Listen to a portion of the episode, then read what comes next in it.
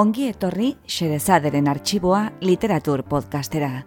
Podcastau egiten dugu Jasone Larrinagak eta Ana Moralesek leioan eta mungian.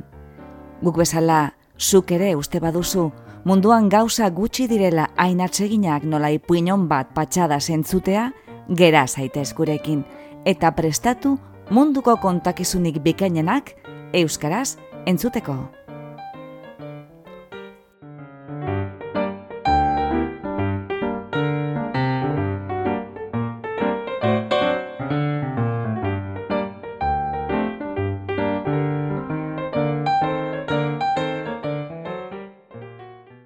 Gaur, Xerezaderen arxiboan, Jumping Monkey Hill. Egilea, Chimamanda Ngozi Adichie. Itzultzailea, Itziar Diez Deutzurrun. Chimamanda Ngozi Adichie, Nigerian jaio zen mila bederatzeun eta irurogeta mazazpian. Medikuntza eta erizaintza ikasten hasi zen Nigeriako unibertsitatean, baina gero, Amerikako estatu batuetara joan zen beka batekin, eta han, komunikazioan eta politika zientzian lizentziatu zen. Gero, sorkuntza idazketako masterra egin zuen, eta horren ostean, Afrikako ikasketetako masterra. Ume umetatik idazten zuen, baina komunikazioa ikasten zebilela ekin zion lehen nobelari. Purple Hibiscus. Orange saria eta Commonwealtheko idazleen lehen libururako saria eskuratu zizkiona. Gero etorri ziren beste bi novela, Half of a Yellow Sun eta Americana, eta ipuin bilduma bat, The Thing About Your Neck. Horretaz gain, antzerkilan bat eta poesia liburu bat argitaratu ditu eta hainbat narrazio aldizkarietan. Ngozi aditxik, ezin konta ala sari jaso ditu. Eta munduko dozena bat unibertsitatek baino gehiagok eman diote honoris causa doktore tituloa. Bestalde, islari indartzua ere bada. 2000 eta bederatzean eman zuen TED Talk bat, The Danger of a Single Story izenekoa, narrazio bakarraren arriskua, alegia, jendea etiketatzearen arrisku ez ohartarazten duena, inoizko itzaldirik ikusiena izan da TED Talken artean. 2008an eman zuen beste TED itzaldi batek, We Should All Be Feminists izenekoak, ikaragarrizko sona izan zuen, eta liburu giza argitaratu zen 2008an. Zorionez, euskeraz irakurtzeko aukera dugu, aekak plazaratutako itzulpenari esker. Guztiok izan beharko genuke feminista, du izena euskaraz, eta lorea agirreren itzaurrea dakar. Bilatu izen horrekin interneten eta erraz-erraz eskuratuko duzu PDF-a. Guztiok izan beharko genuke feminista. Tximamanda ngozi aditxiren libururik berriena da Dear Ijawele, or a Feminist Manifesto in 15 Suggestions, Ijawele maitia edo manifestu feminista bat amabost proposamenetan. Gutun gisa idatzia dago, eta neskatoei eziketa feminista emateko aholku zorrotz eta umore emandakoen bilduma da. Tximamanda ngozi aditxik, behin esan zuen, Amerikako estatu batuetara heldu zen arte, etzuela bere berestasunaren kontzientziarik izan. Nola baita esan, estatu batuetan bihurtu zela beltz. Erraz uler daiteke hori, Nigerian bizi izan zen bitartean, jasotzen zituen begiradak, bera bezala beltzak ziren pertsonen begietatik baitzeto zen. Bestea bezala begiratua izateak, begirada zuriaren jomuga izateak, ekarri zion belztasuna.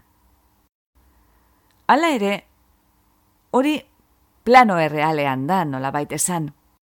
Beste plano batean, lehendik ere bere ganatua zuen ohartuki espada ere, bestea izatearen sentimendu hori.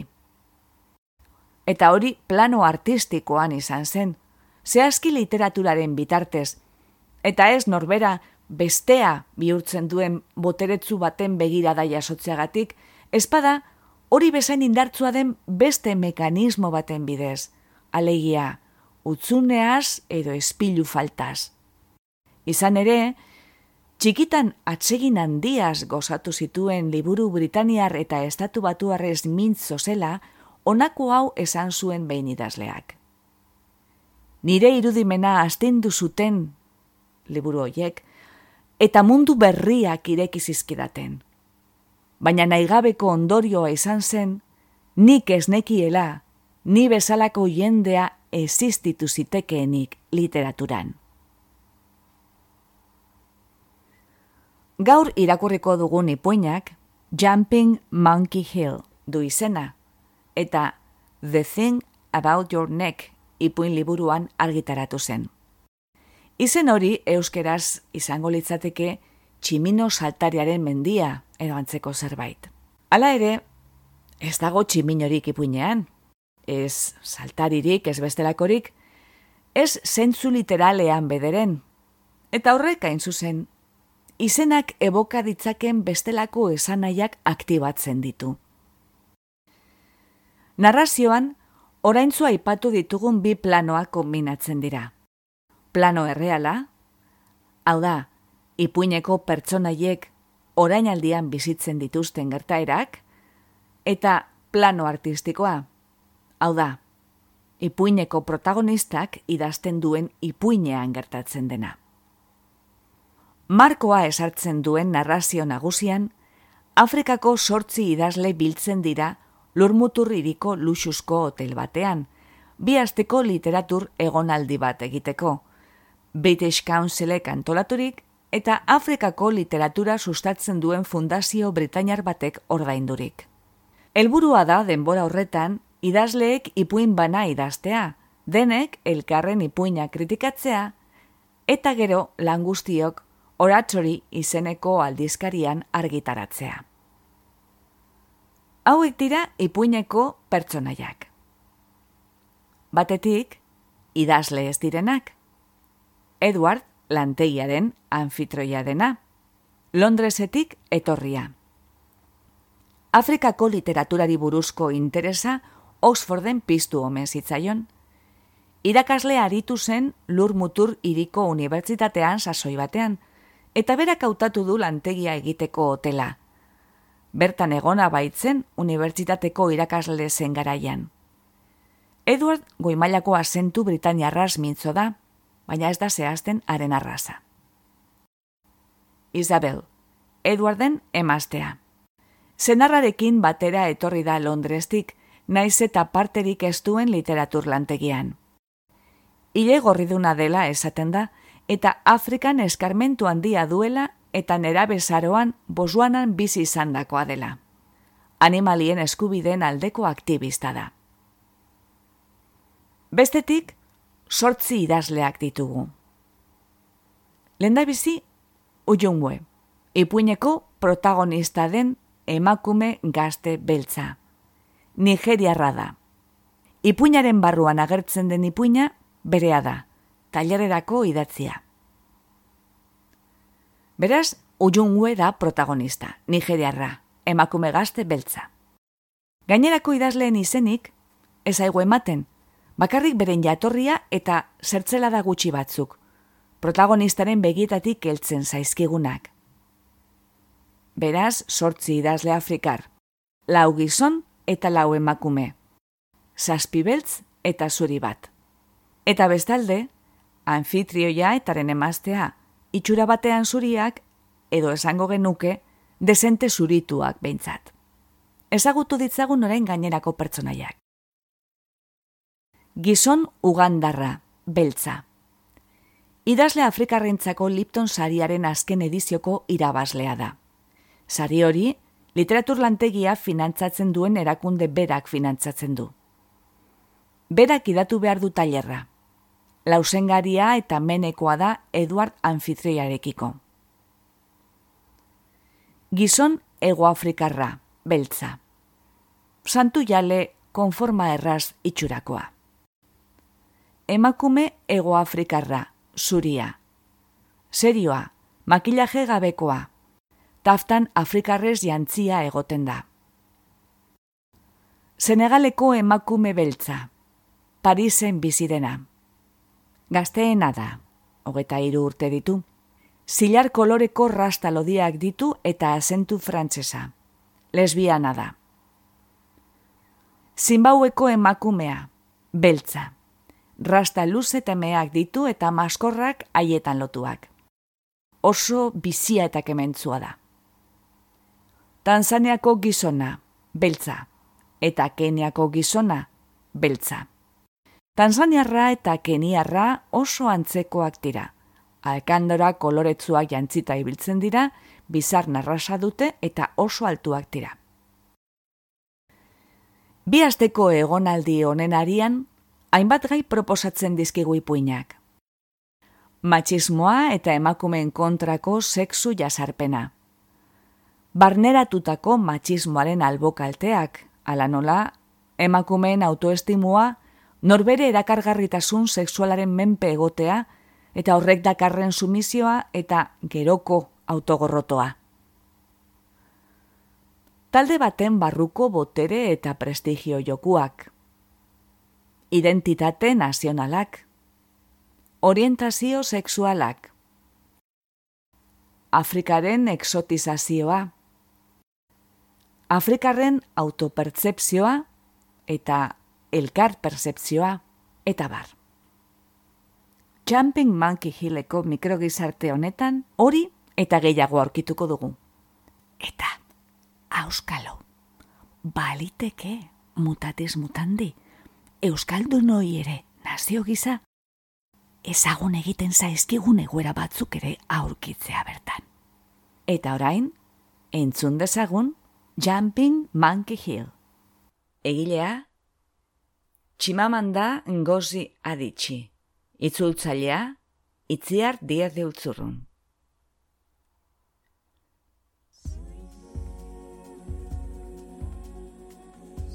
etxola guztiek lastozko telatoak zituzten. Haien izenak, ala nola, babuinoen aterpea, eta arantzurdearen etxea, eskuz margoturik zeuden, arrisko bidesketara jotzen zuten egurrezko ateen ondoan. Eta leioak zabalik ikusten ziren, bezeroak jakaranda ostoen xuxurla eta itxasoko olatuen hotz lasaigarri eta beti batekoa adituz iratzar zitezen. Sumezko erretiloetan, te fineko sortak. Goiz erdian, neskame beltz diskretuek oeak egiten zituzten, bainontziak arbitzen, alfombrak xurgagailua sarasten eta basaloreak ipintzen eskuz eginiko lorontzietan. Ujungueri bitxia iruditu zitzaion idazle Afrikarren lantegia han egitea, Jumping Monkey Hillen, lur mutur iriaren kanpo aldean. Izena bera ere etzetorren lekuarekin bat, eta oporgoneari bapo baskatuen atsegintasuna zerion. Ujunguek turista atzarretarrak irudikatzen zituen toki klasea zenura. Lasterka ibiliko ziren aratonat, muskerrei argazkiak atereaz, eta ondoren etxera itzuliko ziren, ia ohartu ere gabe, musker burugorri baino jende beltz gehiago zegoela ego Afrikan. Geroago, lekua Edward Campbellek aukeratu zuela jakinen zuen zenbait asteburu igaroak zituenan, lur mutur iriko unibertsitateko irakaslea zelarik. Baina Ujunguek etzekien hori, Edward aireportura bila etorri zitzaion arratsaldean. Edward, agure bat, udako kapela buruan, irri egitean lizun koloreko bi ebakortz erakutsi zizkiona musu eman zion bi masailetan. Galdetu zion ia arazorik izan zuen aurre ordaindutako txartelarekin, Ia asola zitzaion ugandarraren zain gelditzea, egazkina laster iristekoa zen eta. Ia gozeak zegoen. Esan zion emaztea, Isabel, lantegiko gainerako partaide gehienen bila joan azela da, eta Simon eta Hermione adizkideak, haiekin batera Londresetik etorriak zirenak ordainpeko langile gisa, ongi etorri baskaria prestatzen ari zirela oporgunean. Edward eta Ujungwe iritziren eremuko banku batean eseri ziren. Edwardek Ugandarraren izena zeraman kartela sorbaldan bermatu eta azaldu zion zeinen ezea zen lurmuturriria urteko sasoi hartan. Zeinen posik zegoen lantegiko antolaketa zela eta. Itzak lusatzen zituen. Britainarrek dotxore esaten dioten doinu ura zuen. Nigeriara beratz batzuk antzeratzen saiatzen diren mintzaera, haiek nahi gabe ere, azkenean, barregarri suertatzen dena. Ujunguek jakin nahiko zukeen ia Edward izan note zen bera lantegirako hautatu zuena. Segurazki ez. British Councilek egin zuen deialdia eta izan gai oberenak hautatu gero. Edward pitin bat mugitu zen eta hurbilago eseri zitzaion. Galdetu zion ia zertan aritzen zen Nigerian. Uzunguek arrausi zabal bat etxuratu zuen, gizona isil zedin deziratuz. Edordek, galdera errepikatu eta galdetu zion ia lanean baimena eskatu zuen lantegira etortzeko adi-adi begiratzen zion. Irurogeita bost eta larogeita mar urte bitarte izan zitzakeen. Ujunguek ezin zion aurpegian adina igarri. Begitarte atsegina zuen, baina formagabea. Jainkoak, gizonura sortzean, baleta baten kontra zapaldu eta azpegiak arpegi osoan barreiatu izan balizkio bezala. Lauzo irri egin, eta erantzun zion lagostik joan aurretixe galdu zuela lana. Banku batean, eta beraz ez zuela baimena eskatzeko premiarik izan. Arrauzi egin zuen berriz. Gizona gehiago jakiteko irrikan zegoela iduri zuen, eta berak ez zuen gehiagorik kontatu nahi. Beraz, Begia goititu eta ugandarra zetorrela ikusi zuenean, arindua hartu zuen. Ugandarrak logaletu azirudien. Hogeita malurte eta koska zituen, aurpegi karratukoa zen eta azal ilunekoa. Eta hile matasatua, biribilkizkurretan tenkatua zeraman. Burua makurtu zuen, Eduarden eskua bere bi eskuekin estutu zuenean, eta gero, biratu eta kaixo bat murmurikatu zion ujungueri. Rinoaren aurreko jarlekuan eseri zen. Oporgunerainoko bidea, luzea zen, muño malkartzuetan nahierara zizelkaturiko errepidetan barna. Eta ujungue kezkatu zen, Edward esote zen sobera zaharra hain askar gidatzeko. Arnazari heldu zion lastosko teilatu duen etxolen eta bideska hartoski zain duen multzora iritsi arte. Emakume orail irribarretzu batek bere etxola erakutsi zion, zebraren gordelekua.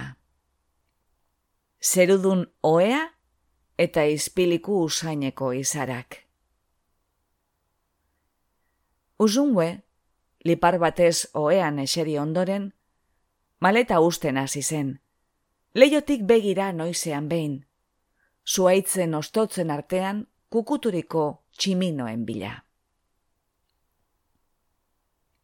Tamalez, ez zegoen bakar bat ere, esan zien Eduardek partaidei gero, itzalkin arrozen azpian baskaltzen ari zirela, barandara urbildutako maaietan, itxaso turkesa kolorea ikusteko modua izan zezaten. Eduardek partaideak banan-banan seinalatu eta aurkezpenak egin zituen. Ego Afrikako emakume zuria Durbangoa zen, eta gizon beltza, berriz, Johannesburgekoa. Gizon Tanzaniarra, Arushakoa zen. Gizon Ugandarra, Entebekoa. Emakume Zimbauetarra, bulabuaiokua.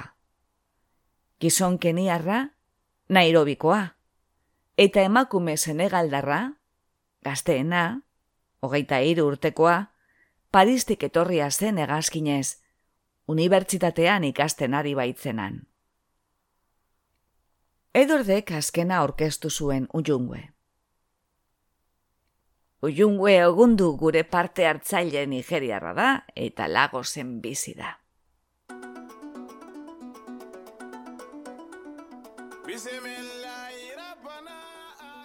Ujunguek mai ingurura so egin zuen jakinaian ia haietako norekin moldatuko zen ongi. Aukerarik handienak emakume senegaldarrak zituen. Begietako distira lotxagabe ura, doinu frankofonoa eta xerlo zilar kolore haiek hileko rastalodietan. Emakume zinbauetarraren rastak luzeagoak eta meharragoak ziren. Eta haietan zintzilekaturiko kauri maskorrek txintxin egiten zuten burua batera eta bestera mugitzen zuenean. Hiperaktiboa zirudien, gerakaitza.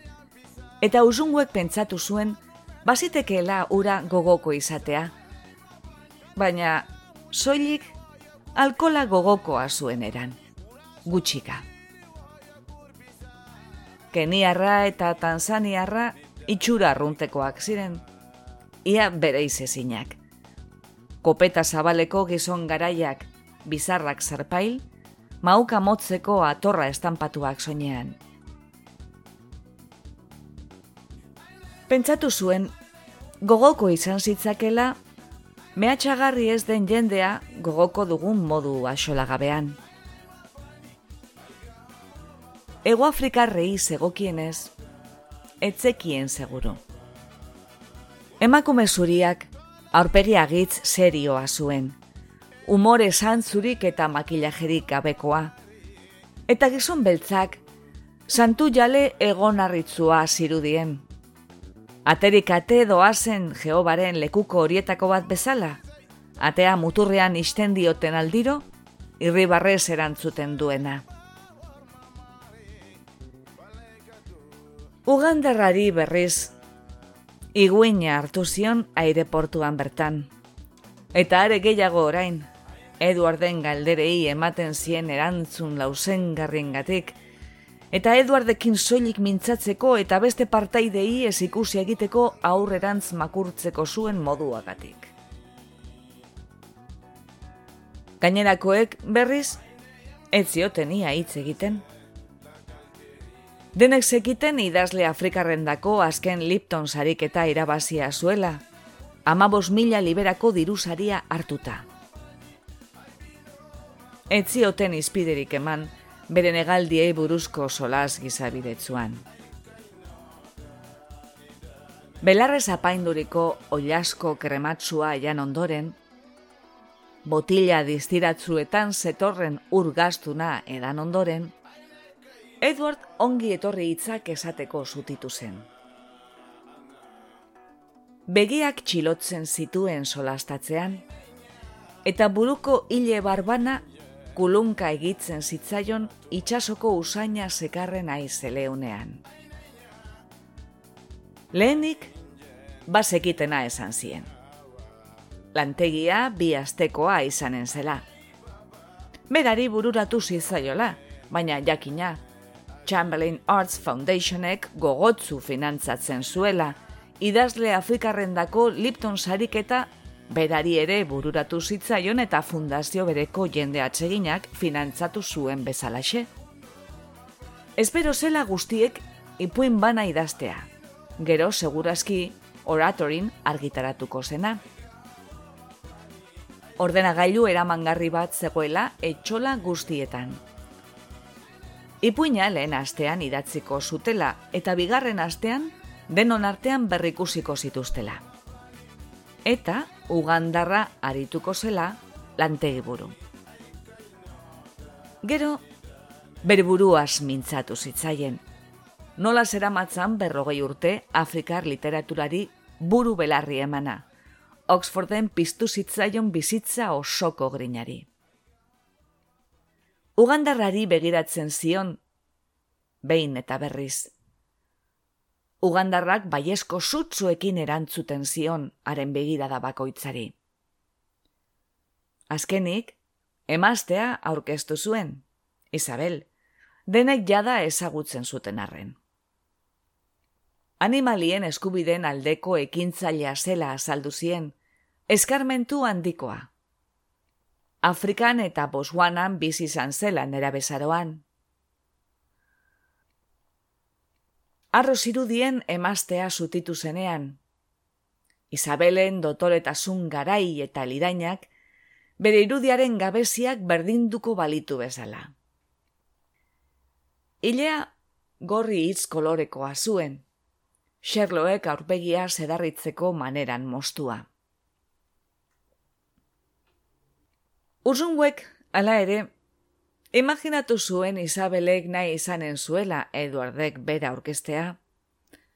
Bazitekela zenarrari oroitarazi izana ere. Tira, lastana, gogora zaitez ni behar bezala orkesteaz bazkarian. Tonu samur batez esanen zion.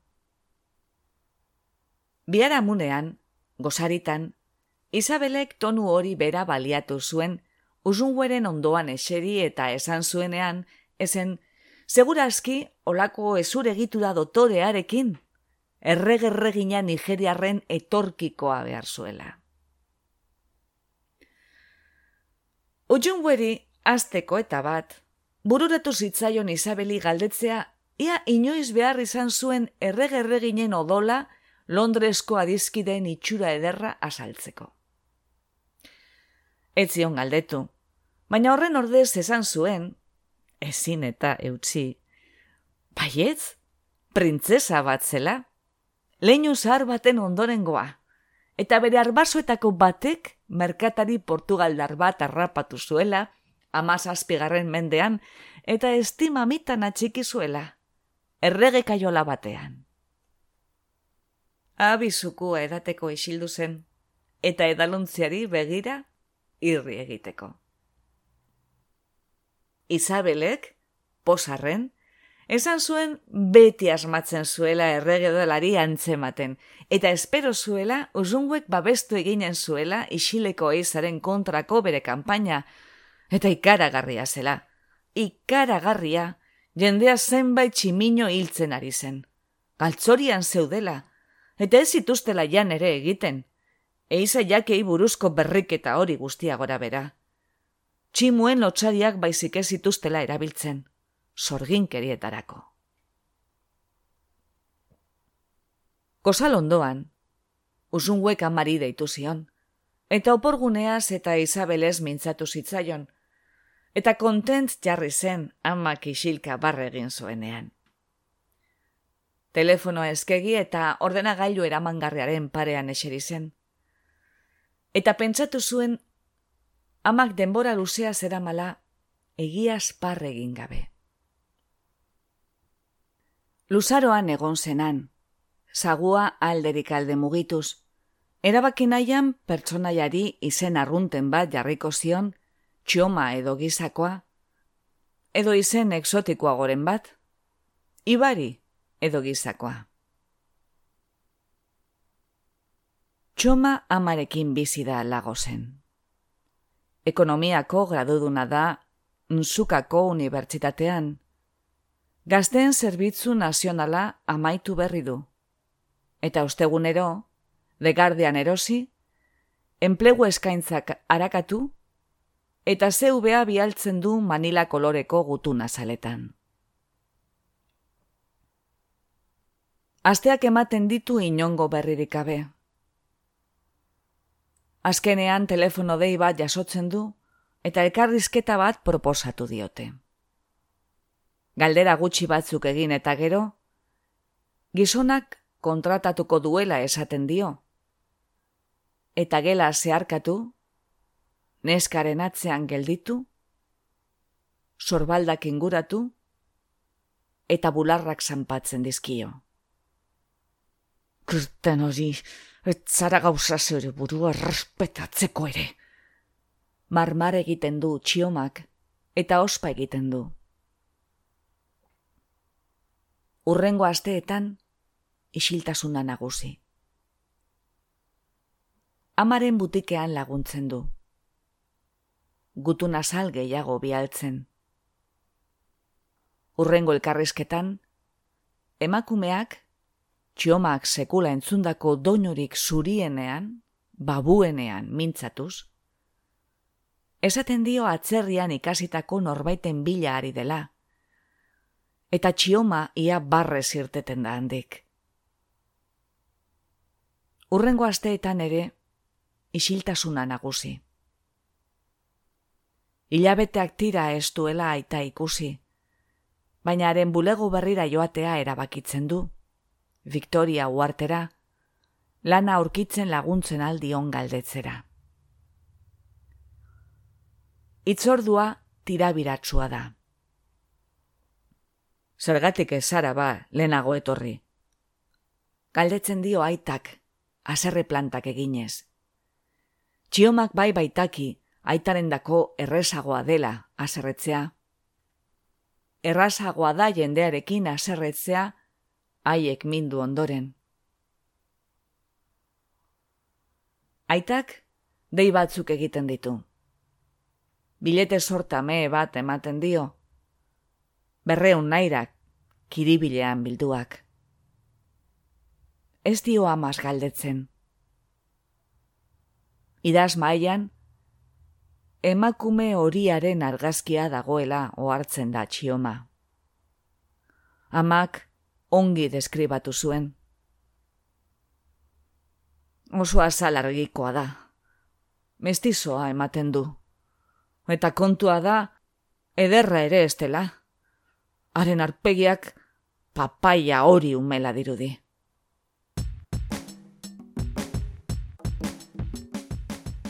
Jumping Monkey Hilleko jantoki nagusiko argi armearma, hain behiti zegoen zintzilik, non uzunguek eskua luzatu eta ukitu ahal izanen baitzuen. Edward, zamau zuriz jantzitako mai luzearen mutur batean eserita zegoen, Isabel bestean, eta parteideak bien artean. Zurezko zoru sendoek kraska egiten zuten burrun batzu, zerbitzariak aier inguruan zebiltzala kartak banatu bitartean. Ostruka xerrak. Izokin ketua. Oiaskoa laranja saltzan. Eduardek kartsuki gomendatu zien ostruka jateko. Zeharo zoragarria zen. Ujunguari ez zitzaion gustatu ostruka bat jateko burutazioa. Jakin ere etzekien jendeak ostrukak jaten zituenik. Eta hala esan zuenean, Edwardek gustura barregin eta esan zuen ostruka jakina, Afrikako oinarrizko jaki bat zela. Gainerakoek ostruka eskatu zuten, eta ujungueren olaskoa, limoitzuegia, iritsi zenean, Bere buruari galdetu zion ez zukeen ostruka eskatu behar. Beikia zirudien, nola nahi ere. Bizitza osoan edandakoa baino alkohol gehiago edan zuen. Bi kopardo.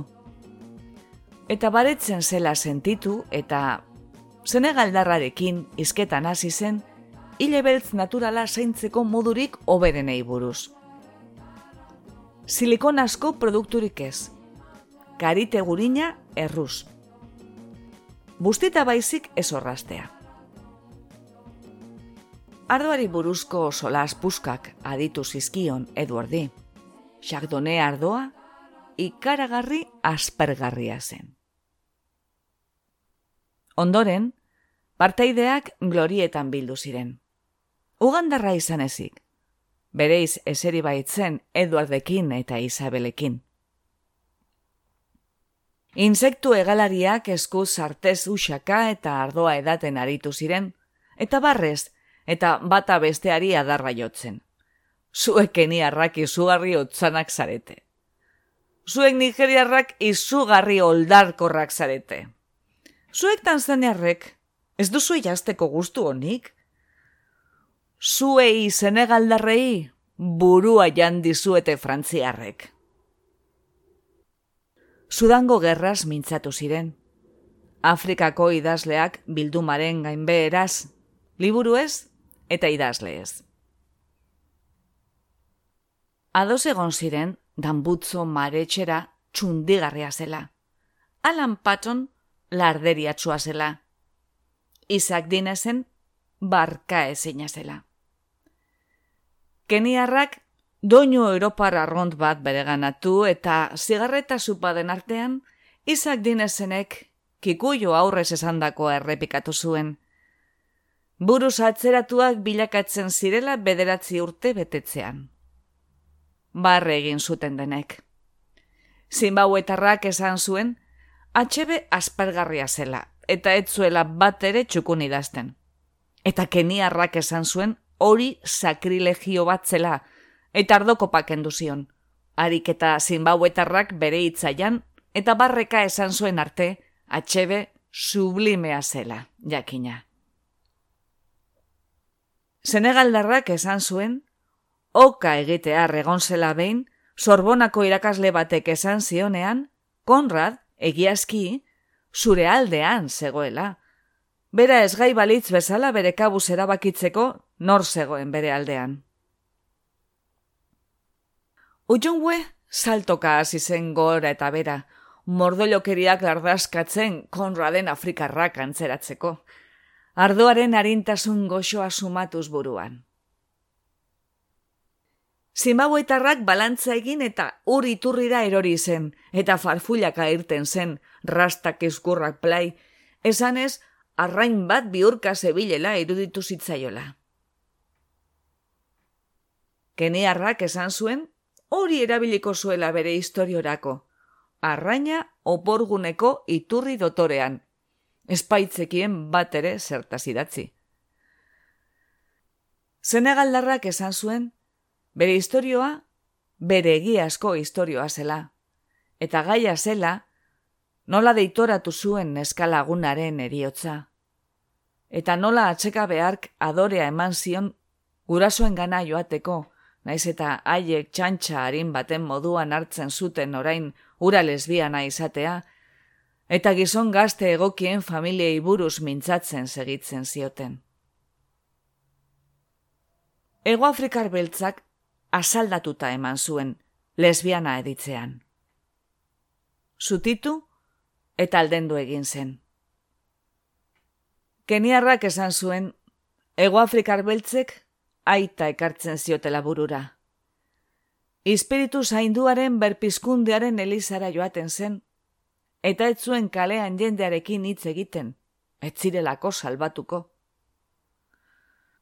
Zimbauetarra, Tanzaniarra, Egoafrikarra eta Senegaldarra bere naite solastatu ziren denak ere. Ujungueri begiratu zioten, eta ohartu zen bera zela deus ere esana ez zuen bakarra, eta izan batez, ardoak bere burua lausotzeari utzi zion. Sorbaldako ititu, eta marmarka esan zien bere aitari buruz ezer gutxi zegoela esateko pertsona arrunta zela. Baduzu arekin harremana? Galdetu zion senegaldarrak. Ezetz uste zuela adirazten zuen goxotasun batez, eta arendoño frankofonoak Ujungue sumindu zuen estrainekoz. Bai, badu garremana. Esan zuen, indar bare batez. Aitak erosi zizkidan liburuak aurra nintzenean, eta ark irakurri zituen nire lehen poema eta istorioak. Eten aldi bat egin zuen, eta denak begira gelditu zitzaizkion, eta erantzi zuen. Arritu egin induen zerbait egin zuen. Mindu ere bai, baina gehien bat harritu. Bazirudien, Senegaldarrak aldera gehiago egin nahiko zituela, baina iritzi zaldatu eta ardo gehiago nahi zuela esan zuen. Zure aitari buruz idazten ari zara? Galdetu zion keniarrak, eta ujunguek ez tinko batez erantzun zion. Ez baitzuen sekula sinetzi fikzioa terapiatarako balio zuenik. Tanzaniarrak esan zion fikzioa terapia zela, terapia mota bat. Axolarik ez jendeak zerzioen. Gau hartan, ujungue idazten saiatu zen, baina begiak lanbrotuak zituen eta buruko mina ere bazuen. Beraz, ohera joan zen. Gozalondoan, ordenagailu eramangarriaren parean eseri zen. Tekatilua eskuan.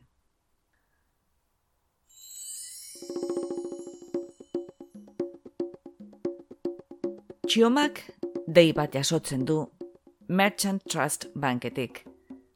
Aitak deitu duen lekuetako batetik. Zuzendaritza batzordeko lehendakaria ezagutzen du. Neska itxaropentsu dago. Ezagutzen dituen banku langile guztiek bigarren eskuko jeta politak idatzen dituzte eta etxe bizitza politak dauzkate. Bagadan. zuzendari ordeak egiten dio elkarrizketa. Beltzarana da, eta etxura ederrekoa. Etaren betaurrekoek, diseinu dotoreko logotipoa daramate armazoian, eta mintzatzen zaion bitartean, txiomak etzi etzian desiratzen du erreparatu diezaion. Ez dio erreparatzen.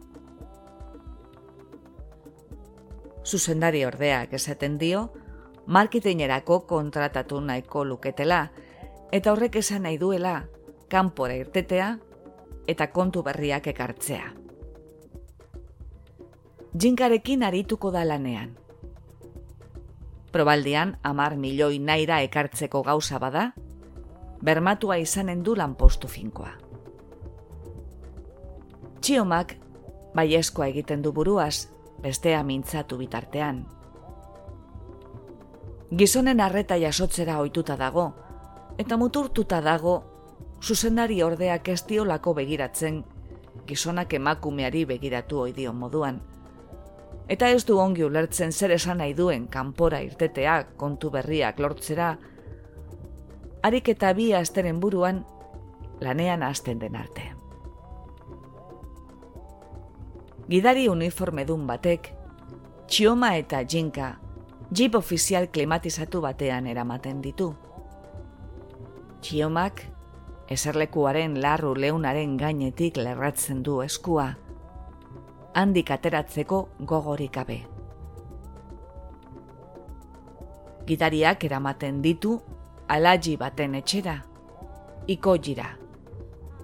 Alajia lagunkoi eta adeitzu agertzen da bere irriaz, bere eskukeinuez, bere barreaz. Jinka zenbait aldiz joana da ura ikustera, eta gizonak neska bezarkatu eta barre eginarazten dion zerbait esaten dio. Txiomak begiratzen dio. Hau agitz finola da, esaten du. Zerbitzari batek xampan kopa izostuak zerbitzatzen dizkie. Alatxia, jinkari mintzatzen zaio, baina txiomari begiratzen dio maiz.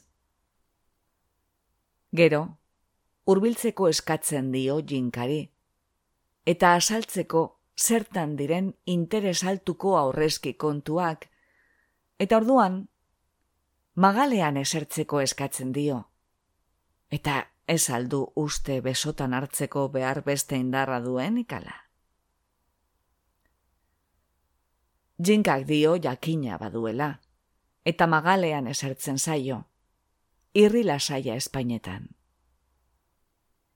Jinka txikia da, eta azalargikoa. Txiomari, emakume horia, oroitara azten dio. Ama kontaturiko horixe da txiomak emakume horia ez dakien guztia. Behin, arratsalde motel batean, amak adenira nogun saia karrikan zuen butikera sartu zen emakume horia. Amak bazekien nor zen, bazekien emakume horiak urtebete zera mala zenarrarekin. Bazekien zenarrak emakume horiaren onda akort autoa eta ilupezuko etxe bizitza ordaindu zituela baina ama bere zenetik atera zuena zera izan zen. Emakume horia, dendara etortzeak, oinetakoei begiratzen aritzea, eta egiaz zenarraren zen diruaz ordaindu asmo izatea. Horren bestez, amak tirakada bat eman zion emakume horiak bizkarrera ino dindilizka zeraman nile ordeari, eta oio egin zuen, zendar lapurra! Eta gainerako saltzaileak urbildu eta zaplastekoka eta joka aritu zitzaizkion.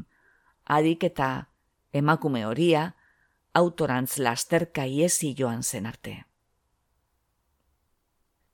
Txiomaren aitak jakin zuenean, amari garrasi egin, eta esan zion kaleko emakume basa horietako baten gizara jokatua zuela, eta alferrik lotxarazi zuela zenarra, bere burua eta emakume rugabe bat. Gero, etxetik joan zen. Txioma gazteen zerbitzu nazionaletik itzuli eta ohartu zen aitaren armairua utzik zegoela. Izeba elohor, Izeba Rose eta Izeba Utxe, denak etorri ziren eta amari esan zioten. Preskaude zurekin arengana joateko etxera itzul dadin erregutzera. Edo gu joanen gara, eta zure izenean erregutuko diogu. Txiomaren amak esan zuen. Inola zerez. Ez naiz arengana joanen erreguka aski da. Izeba funmi iritsi zen, eta esan zuen, emakume horiak zendagai batekin estekatua zuela zenarra, eta ezagutzen zuela ura askazezakeen babalauo on bat. Txiomaren amak esan zuen. Ez, ez nahi zaren gana joanen. Amaren butika, utz egiten hasi zen. Txiomaren aitak, dubaiko oinetakoak inportatzen lagundua ziolako beti. Beraz, prezioak behititu zituen, iragarkiak paratuz join eta city peopleen, eta aban eginiko oinetakoak ekartzen hasi zen. Txiomak, zapata aietako pare bat darama alajiaren egon gelan eseri, eta jinkari begira dagoen goiz horretan. Jinka, gizonaren magal zabalean jarririk. Merchants Trust Bankeko aurrezki kontuen onurez, izketan ari den bitartean. Hasieran, Ujungue alegindu zen eso hartzen Eduardek maiz begiratzen ziola gorputzari, Gizonaren begiak ez zeudela sekula bere aurpegia dizo, baizik eta behetiago. Lantegiaren egunak errutina bati atxiki zitzaizkion, gozaria sortzietan, baskaria ordu batean, eta faria seietan luxusko jantokian. Segarren egunean, bero zapa ikaragarria egiten zuela, Eduardek aztertu beharreko lehen ipuinaren kopiak banatu zizkien. Zimbauetarrak idatzitakoa. Partaide guztiak terrazan eserita zeuden, eta Eduardek horriak banatutakoan, utxungue jabetu zen itzalkin azpiko eserleku guztiak hartuak zeudela. Ez eta xola eguzkitan esertzea, esan zuen zutitzeaz batera. Nahi dozu ni altxatzea eta zu hemen jarri, Edward. Nahiago etzanen basina eta ni gainean jarri, esan zuen. Une ura likatsua izan zen, lodia. Txori batek karranka egin zuen urrutian. Edward irribarrez ari zen. Ugandarrak eta Tanzaniarrak baizik etzioten aditu. Orduan, Ugandarrak barre egin zuen. Eta Ujungwek barre egin zuen, zeren esan zion bere buruari, barregarria eta asmotzua zen ongi pentsatuzkero. Baskal ondoan, pasieran ibili zen zinbau etarrarekin, eta itxasertzean maskorrak batzera gelditu zirenean, Eduardek esandakoa kontatu nahi izan zion uzunguek. Baina, zinbauetarrak adia galdurik ematen zuen, hoi baino isilkorragoa. Bere historioaz keskatua izanen zen segurazki. Uzunguek arratzean irakurria zuen. Idazkerak apaingarri gehiek itxo zituela iruditu zitzaion, baina gogoko izan zuen historioa, eta gustatutako gauzak eta iradokizun arretatzuak idatzi zituen bazterrean. Historio familiar eta divertigarri batzen, bigarren hezkuntzako irakasle eraretar bati buruzkoa apaiz mendekostearrak esaten dio, ez duela emaztearekin zemelabarik izanen harik eta emaztearen umetokia lotu duten sorginen aitorpena erdietzi arte. Zenare emazteak sinetzita daude, sorginak aldameneko bizilagunak direla, eta goizero, otoitzean aritzen dira osenki, espiritu zainduaren itzesko lehergailuak jaurtiz eziaz gaindi. Biaramunean, zinbauetarrak pasarte bat irakurri ostean, isilune labur bat egon zen jangelako mailaren inguruan. Gero, ugandarrak hitza hartu, eta esan zuen giarrandiko prosa zela. Ego Afrikar zuriak buruaz baiezkoa egin zuen gogotsu. Keniarra desados agertu zen. Ezaldietako batzuetan, literatura kutsua lortzeko alegina hain handia zen, non esaldiek ez zuten zentzurik, esan zuen, eta haietako bat irakurri zuen. Gizon Tanzaniarrak esan zuen, historioari osoki begiratu behar zitzaiola, eta ezatika. Bai, bat etorri zen keniarra, baina zati bakoitzak zentzua izan behar zuen, osotasunak zentzua izan zezan. Orduan edo ordek hitz egin zuen. Idazkera, ambizio handikoa zen, baiki, baina historioa bera arrenkari zen. Eta zer? Bazen zeo zer izugarri de mode kontakizun hartan. Aintzat hartuzkero, mugabe zitalaren azpiko zinbauen gertatzen ari ziren gainerako gauza guztiak. Ujunguek tinko begiratu zion. zer esan nahi zuen Edwardek demoderekin? Nola izan ziteken demode, hain benetakoa zen historio bat. Baina ujunguek etzion Edwardi galdetu ia zer esan nahi zuen, eta keniarrak etzion galdetu, eta ugandarrak etzion galdetu. Eta zinbauetarrak rastak arpegitik baztertu besterik etzuen egin, kauri maskorrei txintxin egin araziz. Gainerako guztiak, isilik gelditu ziren. Laster, arrausika hasi, elkarri gabonesan, eta beren etxoletara joan ziren.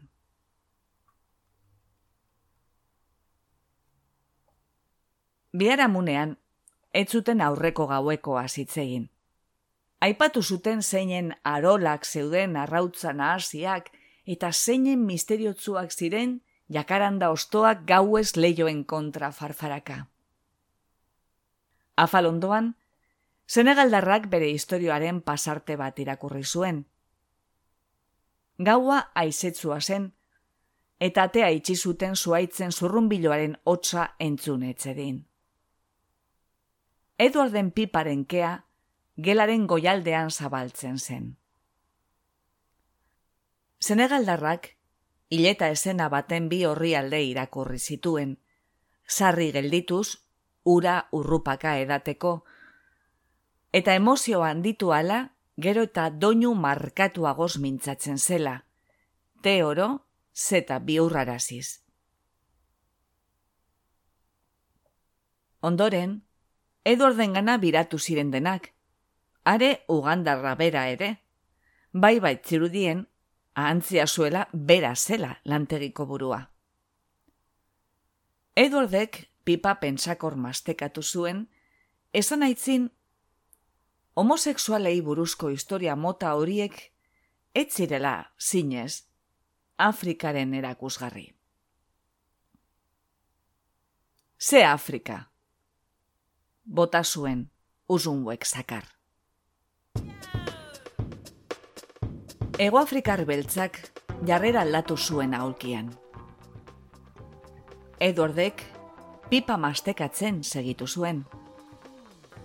Gero, Elizan geldirik egon nahi ez duen umeari begiratuko litzaioken maneran begiratu zion ujungueri, eta esan zuen, ez zela izketan ari afrikanista Oxford kume baten gizara.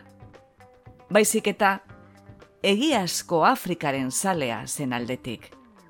Ez zuena nahi mendebaldeko ideiak Afrikako bazterretan inposatzerik. Zimbauetarra, Tanzaniarra eta Ego Afrikar zuria buruari eragiten hasi ziren Edward mintzatu bitartean.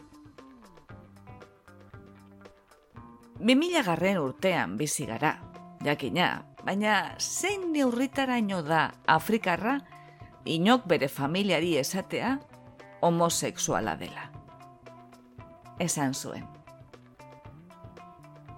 Senegaldarrak frantses ulergaitz batean estanda egin zuen eta minutu batez borborka mintzatu eta gero, esan zuen.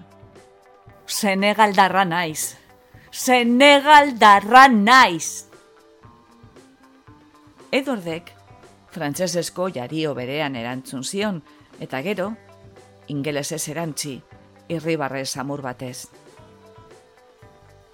Uste dut bordeleko ardo bikain horretatik gehiagitxo edan duela.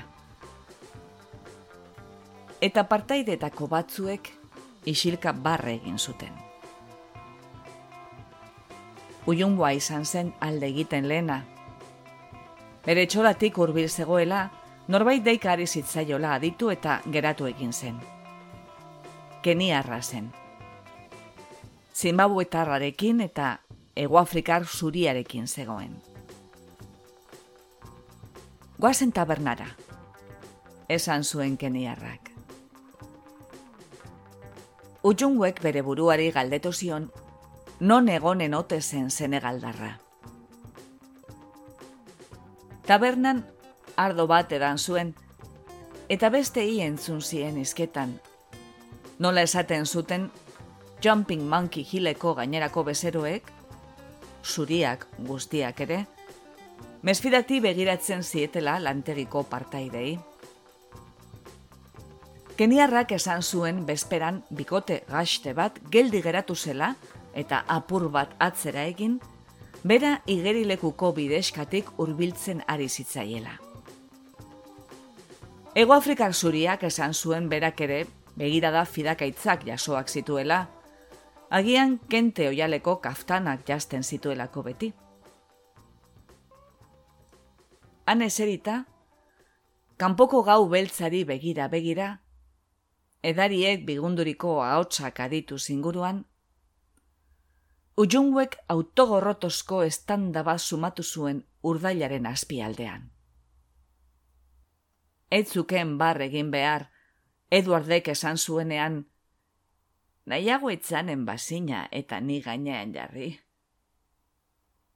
Etzen barregarria izan. Etzen bat ere barregarria izan. Korrotagarria iruditu zitzaion eta gorrotagarria iruditu baita ere, haren orpegiko irria, eta erdizka ikusi zizkion hortz berdeskak, eta nola begiratzen zien beti bularrei, aurpegiari begiratu ordez. Nola joaten zen Eduarden soa bere gorputzean beti gora, eta nola, ala ere, hiena ero baten moduan barre egitera behartu zuen bere burua. Ardokopa erdi ustua laga, eta esan zuen. Eduard beti ari zait gorputzari begira. Keniarrak eta egoafrikar zuriak eta zinbauetarrak adi-adi begiratu zioten. Eduard beti ari zait gorputzari begira. Esan zuen berriro. Keniarrak esan zuen lehenbiziko egunetik garbi zegoela, Edward bere mazte ezura horren gainean jarriko zela, azpikoa ujungue izan zedila desiratuz. Zimbabwetarrak esan zuen, Edwarden begiei lizunkeria zediela ujungueri begiratzen zion aldiro. Ego Afrikar zuriak esan zuen, Eduardek sekula etziola emakume zuri bati ala begiratuko, ujunguerekiko sentitzen zuena, begiruneri gabeko irrikazelako. Guztioko hartu zarete? Galdetu zien. Guztioko hartu zarete? Traizionatuta izanaren sentimendu bitxi bat nagusitu zitzaion. Altxatu eta bere etxolara joan zen amari deitu zion, baina ahos metalikoak markatu duzun zenbakia ez dago erabilgarri mementu honetan. Mesedez, zaila zaitez geroago. Esaten zuen etengabe. Eta beraz, telefonoa eskegi zuen. Ezen izan zuen idatzi. Oean etzan, eta hain luzaroan egon zen esna, non lokartu zenerako eguna argitzen ari baitzuen.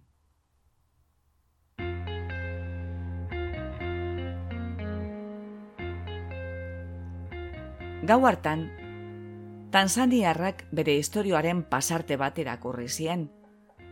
Kongoko hilketei buruzko historioa zen. Paramilitar baten ikuspegitik kontatua, bortizkeria likitzez beteriko gizona bera. Edwardek esan zuen, oratoriko lehen historioa izanen zela, beharrezkoa zela, premiazkoa, jakin beharreko gauza kontatzen zituela. Uzunguek pentsatu zuen, The Economistetik hartutako artikulo bat zirudiela, karikatura moldeko pertsona betea. Baina ez zuen esan. Bere txolara itzuli zen eta urdaileko minez egon arren, ordenagailu eramangarria piztu zuen. Txioma han eserita dagoela, jinkari begira begira, zeina alajiaren magalean eserita baitago, irudipena du antzeslan bateko jokalaria dela. Antzeslanak idazten zituen bigarren eskuntzan. Txiomaren gelakoek antzerki lan bat taularatu zuten eskolaren urte horrena ospatzeko, eta amaieran, ikusleek txaloaldia zutik jo eta zuzendariak esan zuen. Txioma gure izarra izanen da etorkizunean. Aita zen, amaren alboan jarrita, esku sartaka eta erriz. Baina txiomak esan zuenean, unibertsitatean literatura ikasi nahi zuela, aitak erantzun zion, etzela bideragarria. Hala esan zuen, bideragarria. Esan zion, beste zerbait ikasi beharko zuela, eta beti segitzen halko zuela idazten, beste horren osagarri. Alajiak, atz bat darabil samurki jinkaren besoetan gora eta bera, esaten duelarik. Baina badakizu, Savannah Union Bankek jendea bidali zidala joan den astean. Jinkak irribarrez egitzen du. Eta txiomak jakin nahiko luke, ezote dioten masailek minik emanen. Oe azpian metalesko kutsa batean dauden narrazio ez oroitzen da. Aitak denak irakurri zituen, eta batzuetan bazterretan idazten zuen. Bikaina. Klixea. Osongi. Nazia. Aitak erosi zizkion nobelak. Amak uste zuen nobelak irakurtzea, denbora alferri galtzea zela, eta sinetzita zegoen, txiomak ikasliburuak besterik etzuela behar.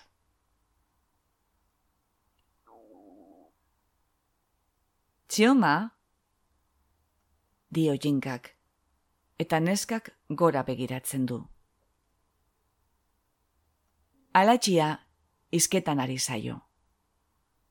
Gizonakia lotxatua dirudi, etaren begiek ez diote begietara begiratzen. Jinkaren ganako erakusten ez duen erabetasunaz ari zaio txiomari. Esaten ari naiz, agiz finola zarela. Nolatan ez zaitu honezkero handiman diren batek esposatu.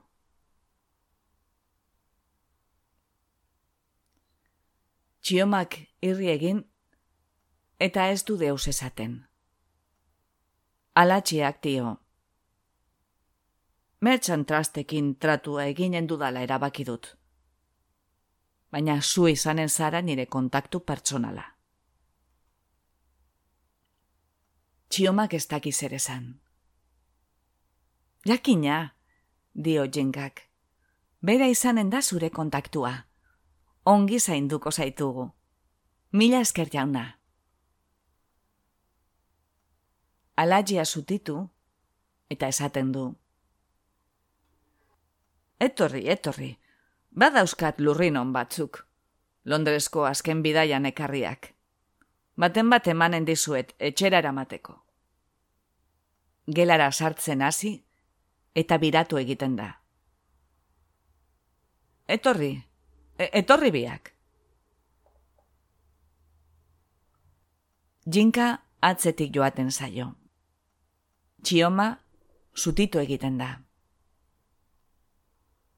Alagia haren gana biratzen da berriz, haren zain gelditzeko. Baina txioma ez da haren gana joaten. Aterantzegin, ireki eta eguzki argi distiratzura irteten da. Eta jiparen ondotik igarotzen da, gidaria barnean dela, atea zabalik, irratia entzunez. Neska, neska, zeo zer gertatu da? oio egiten dio. Ez dio ezer erantzuten. oinez egitzen du, ibili eta ibili, burdin langa garaia zeharkatu, karrikara atera, eta taksi bat hartzen du bulegora joateko. Bere idazmai ia utzean dagoena jasotzera. Uiungue itxasoaren dunbotzarekin idatzarri zen, korapilo urduri bat zabelean. Ez zuen bere historioa irakurri nahi gauean, Ez zuen gozaltzera joan nahi, ez da ere. Baina joan egin zen, alere. Eta egunon orokor bat esan zien, irribarre orokor batekin. Keniarraren ondoan eseri zen, eta gizona arengana makurtu eta xuxurratu zion, edordek zenegaldarrari esan berri ziola, bere silbor biluziarekin amets egina zuela. Silbor biluzia. Uyunwek Senegaldarrari zo egin zion. Tekikara leonki eramaten ari zen Espainetara, baikor, itxasoari begira. Uyunwek bekaitzez begiratu zion emakumearen konfiantza bareari. atsekabetuta sentitu zen, alaber. Jakiteagatik, Edward beste bati ere ari zitzaiola mezu iradokitzaileak igortzen, eta bere buruari galdetu zion zer esan aiote zuen erresumin horrek. Sinetzi ote zuen, gizonaren begirada likitzak beraren dako baino ez zirela? Dezeroso sentitu zen horretaz pentsatzean, baita gauean bere ipuina irakurri beharra zuela pentsatzean ere. Eta, arratsaldean Baskal ondoa lusatzen aritu zen, eta Senegaldarrari galdetu zion, ia zer erantzun zuen Edward haren silbor biluziaz mintzatu zenean. Senegaldarrak zorbaldako ititu, eta esan zuen ezen gizonak zenbat nahi amets eginda ere, lesbiana zoriontzua izaten segituko zuela, eta etziola zertan deus ere esan. Baina zergatik ez dugu ezer esaten? Galdetu zuen uzunguek. Ahotsa osendu zuen, besteei begira. Zergatik ez dugu sekula ezer esaten? elkarri begiratu zioten. Keniarrak zerbitzariari esan zion ura epeltzen ari zela eta ia ekarriko zituen mesedez izotz gehiago. Tanzaniarrak Malauiko ze eskualdetakoa zen galdetu zion zerbitzariari. Keniarrak galdetu zuen, ia sukaldariak ere Malauiarrak ote ziren, zerbitzari guztiek angoak ziruditen eta. Orduan, zinbauetarrak esan zuen, bosta xola zitzaiola sukaldariak nongoak ziren, Jumping Monkey Hilleko baskaria, iguingarria zelako, den dena aragia eta esnegaina. Kontu gehiago jaurti ziren turrustan eta uionguek etzekien garbi nok esan zuen zer. Imagina esazue, bilkura afrikar bat, arrozi gabe. Eta zergatik egon behar zuen debekatua garagardoa edateak baskal mailan. Soil-soilik Eduardek uste zuelako ardoa egokiagoa zela. Eta sortzietan gozaltzea goizegi zela. Axolarik ez Eduardek esateak ordu egokia zela. Etaren piparen usaina ukastagarria zela. Eta ia erabakitzen zuen bengo zer errena izuen eta zigarretak biltzari usten zion pipa erdizkazuela. Egoafrikar beltza baino etzen isilik gelditu. Abaildua zirudien. Eskuak magalean batuta. Harik eta esan zuen arte.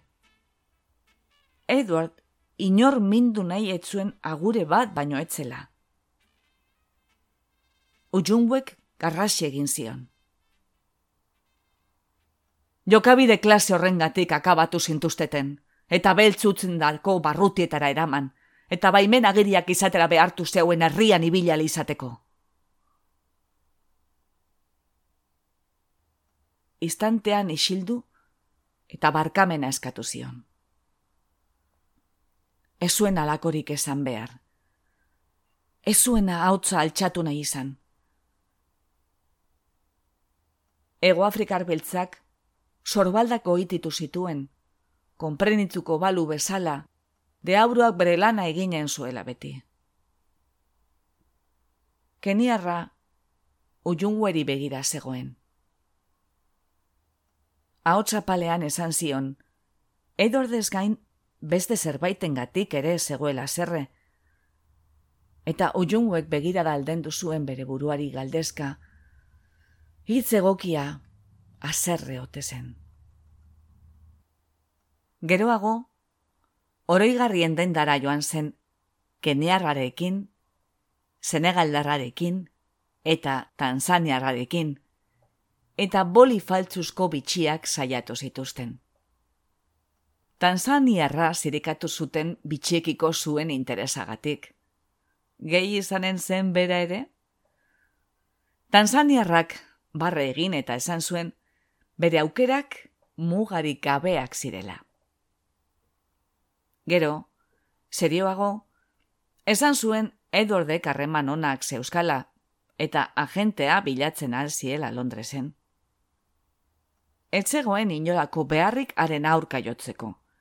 Inolako beharrik aukerei atea izteko. Berak behintzat, ez zuen irakasle lanpostugo gaikarri batean bukatu nahi arusan. Guztiei hitz eginen balie bezala ari zen, baina utxungueri begira begira. Utxunguek lepoko bat erosi, jantzi eta gustatu egin zitzaion nola ematen zuen hortz formako zintzilikari zuriak bere zintzurrean. Gau hartan, Isabelek irribarre egin zuen zintzilikaria ikustean. Nahi nuke jendea hartuko balitz boli faltsuak egiazkoa dirudiela, eta animaliak bakean utziko balitu. Esan zuen. Uyunguek, posposik irribarre egin eta esan zuen, izan ere, benetako bolia zela, eta dudan egon zen erantzi beharote zuen, berak akabatu zuela elefantea, errege eizaldi batean. Isabelek txundituta zirudien. Gero, induta. Ujunguek plastikoa lastandu zuen. Lasaitu beharra zuen, eta bere buruari hori errepikatu zion behin eta berriz bere historioa irakurtzen hasi bitartean. Ondoren, ugandarra izan zen hitz egiten lehena, eta esan zuen oso historio sendoa zela, oso sinesgarria. Eta haren tonuari zerion segurtasuna, hitzak berak baino harrigarriagoa iruditu zitzaion ujungueri. Tanzaniarrak esan zuen ederki islatzen zuela lagos, usainak eta zaratak, eta sineste zina zela, zeinen antzekoak ziren irugarren munduko hiriak. Ego Afrikar zuriak esan zuen gorroto zuela berba hori, irugarren mundua, baina ikaragarri gustatu zitzaiola emakume nigeriarraren egoeraren deskribapen errealista.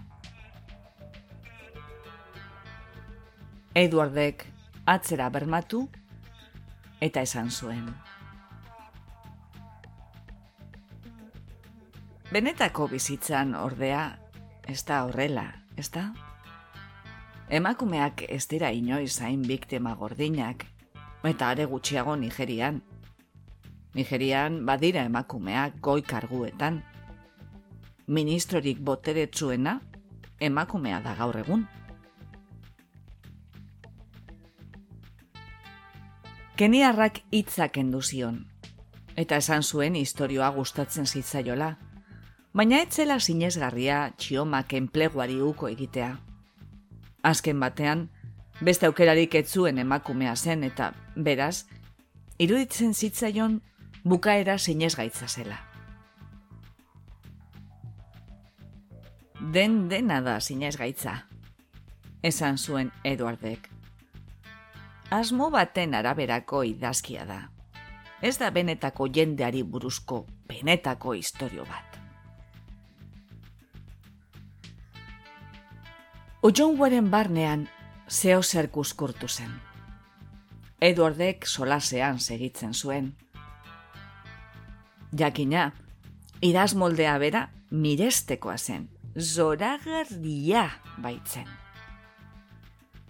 Ujungueri begira ari zitzaion, eta Eduarden begiei zerien garaipena izan zen neska eltsarazi eta barrez astera bultzatu zuena. Gainerako partaideak begira begira gelditu zitzaizkion. Ujungue barrez eta barrez aritu zen, eta besteak ari begira. Eta gero bere horriak bildu zituen.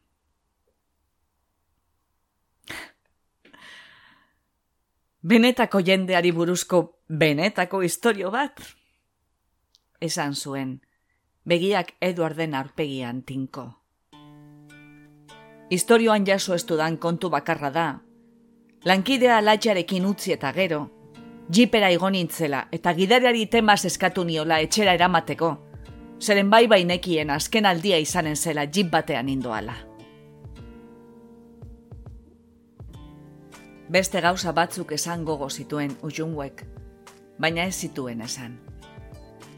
Malkoak begietan metatzen ari zitzaizkion, baina ez zien isurtzen utzi. Amari deitzeko herrikan zegoen, eta etxolara zijoala, bere buruari galdetu zion. Ia zinezgarritzat joko zen historio batean, horrelako amaiera bat.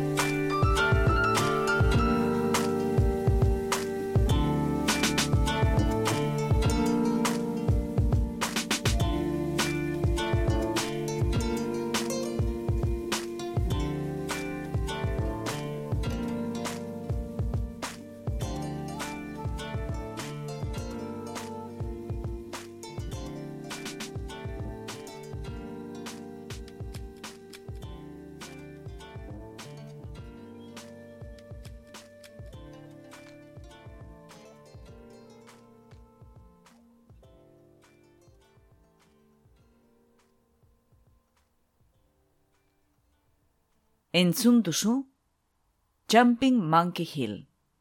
Egilea, Chimamanda Ngozi Adichie.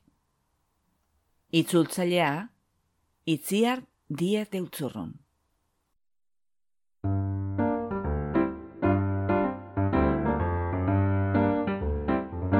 Xerezaderen artxiboko atal bat entzun duzu. Gure doinua da Charleston Behind the Attic Door, Dance of the Wind taldearena. Bizitatu gure bloga, gure audioak deskargatzeko edo online entzuteko. Iru xerezade.org Xerezade, isaz idazten da gogoratu. Eta ezaztu iruzkinak ustea. Podcast hau egiten dugu jasone larrinagak eta Ana Moralesek leioan eta mungian. Xerezaderen artxiboko atal guztiak emititzen dira Bilbo iria irratian eta arrosa zarean.